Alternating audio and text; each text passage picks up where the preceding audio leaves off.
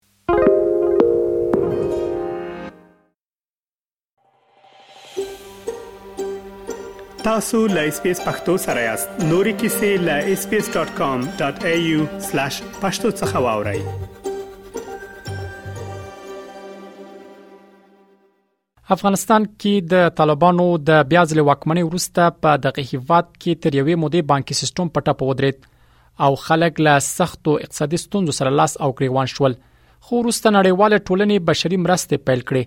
نړیواله ټولنې له تیر څو میاشتو راهیسې نږدې هر اونۍ افغانستان ته د 30 میلیون ډالر نقد مرستې کڅوړې را لېږي ترڅو په دغه هیواد کې د هغو افغانانو لاسنیوي وشي چې دمګړې د لوګي او بیوزلۍ له کړاو سره مخ دي نړیواله ټولنه دغه پیسې له افغانستان سره د بشرپالو مرستو په توګه په کابل کې یو سوداګریز بانک ته سپاري ترڅو د دې سازمان بنسټونه تر استفاده وکړي او طالبان ورته لاسرسي ونه لري د طالبانو تر کنټرول لاندې د افغانستان بانک چې هر ځل افغانستان ته د دغو بشري مرستو د رسیدو پخلای کړي یوازې په فبرवरी میاشت کې د لک تر لګ څلورو ورته کڅوړو د رسیدو خبر ورکړ چې د اندازه یو سل شپېته میلیونه ډالر کېده د دغه بانک د معلوماتو لمخې پر افغانستان د طالبانو تر واکمنېدو وروسته د نړیوال ټولنې دغه نقدي مرستو ټوټل کچه اوس وخت کې ل 2 میلیارډ ډالر را اوښتې ده دا چې د دغه مرستو موثریت په څه کې دی او دغه ډول مرستې د افغانانو پر ژوند او د افغانیو د ثبات ساتلو په برخه کې څومره ګټورې دي د اقتصادي چارو یو شمېر کارپوهان یې په اړه بیلابل لیدلوري لري د اقتصادي چارو کارپو قیس محمدي د نړیوال ټولنې لوري د بشري مرستو دوام نه یوازې د افغانستان د ټولنیز ثبات لپاره مهم بولی بلکې په وینای په اقتصادي او سیاسي ثبات هم مثبت اغیزه لري نو موري اس بي اس رادیو سره په خبرو کې وویل چې د افغانستان اقتصادي ثبات په همدغه بهرنیو مرستو ولاړ دی او کداغه مرستې له فساد او حیف مل کېدو پرته اړمنو خلکو ته ورسول شي دا چارښای په افغانستان کې د لوګي او بیوزلۍ د کچې د راټیټېدو ترڅنګ د بیکارۍ د لمنځړولو په برخه کې موثر تمام شي محمدي زیاته کړه مهمه ده چې د غمرستي په سمه توګه مصرف شي او د افغانستان بانک لاري نه تنها د افغانیو د ثبات لپاره بلکې د وارداتو د ثبات لپاره وساتل شي. د افغانستان اقتصادي ثبات متکي په دغو مرستو باندې دی، که دغه مرستې مشخصاً د ملت ته بدون د فساد او بدون د حیف میل کېدو نه ورسېږي، نو د دې موثریت د افغانستان د فقر کچې راکمولو کې، د بې کارۍ کچې راکمولو کې په کراتو باندې زیات دي. نه تنها دا چې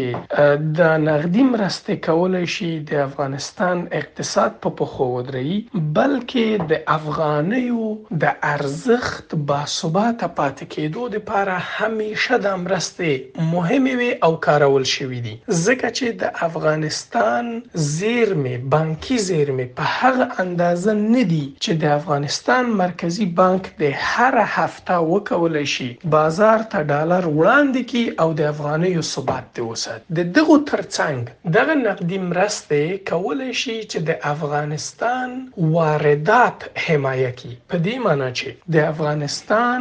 زیرمې، نغدي زېرمې دومره نه دي چې موږ دې وکولای شو هر کال تقریباً د نهه میلیارده ډالرو په اندازه باندې واردات وکړو، نو ډېره مهمه ده چې دغه راکړل شوې مرستې په صحیح توګه باندې مصرف شي. د اقتصادي چارو یو بل کارپوه لال ځاځی بیا وايي، د افغانستان په څېر هېواد چې په تېرو دوو لسیزو کې په مرستو تړلی هېواد بلل شوی او خلک یې له ډېرو اقتصادي ستونزو سره مخ دي،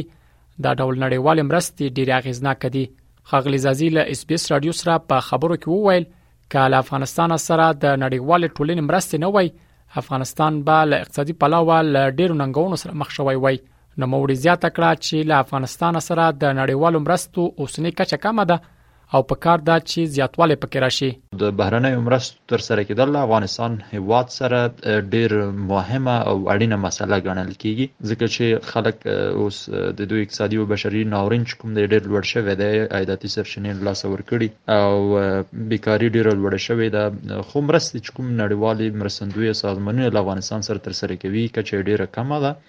هیله ده چې په خپلو مرستو کې زیاتوالی راولي. او مهمه دا چې د خلکو تقاضا ډیره زیاته ده ځکه وضعیت اقتصادي او بشري ډیر سخت دی نو د مرستو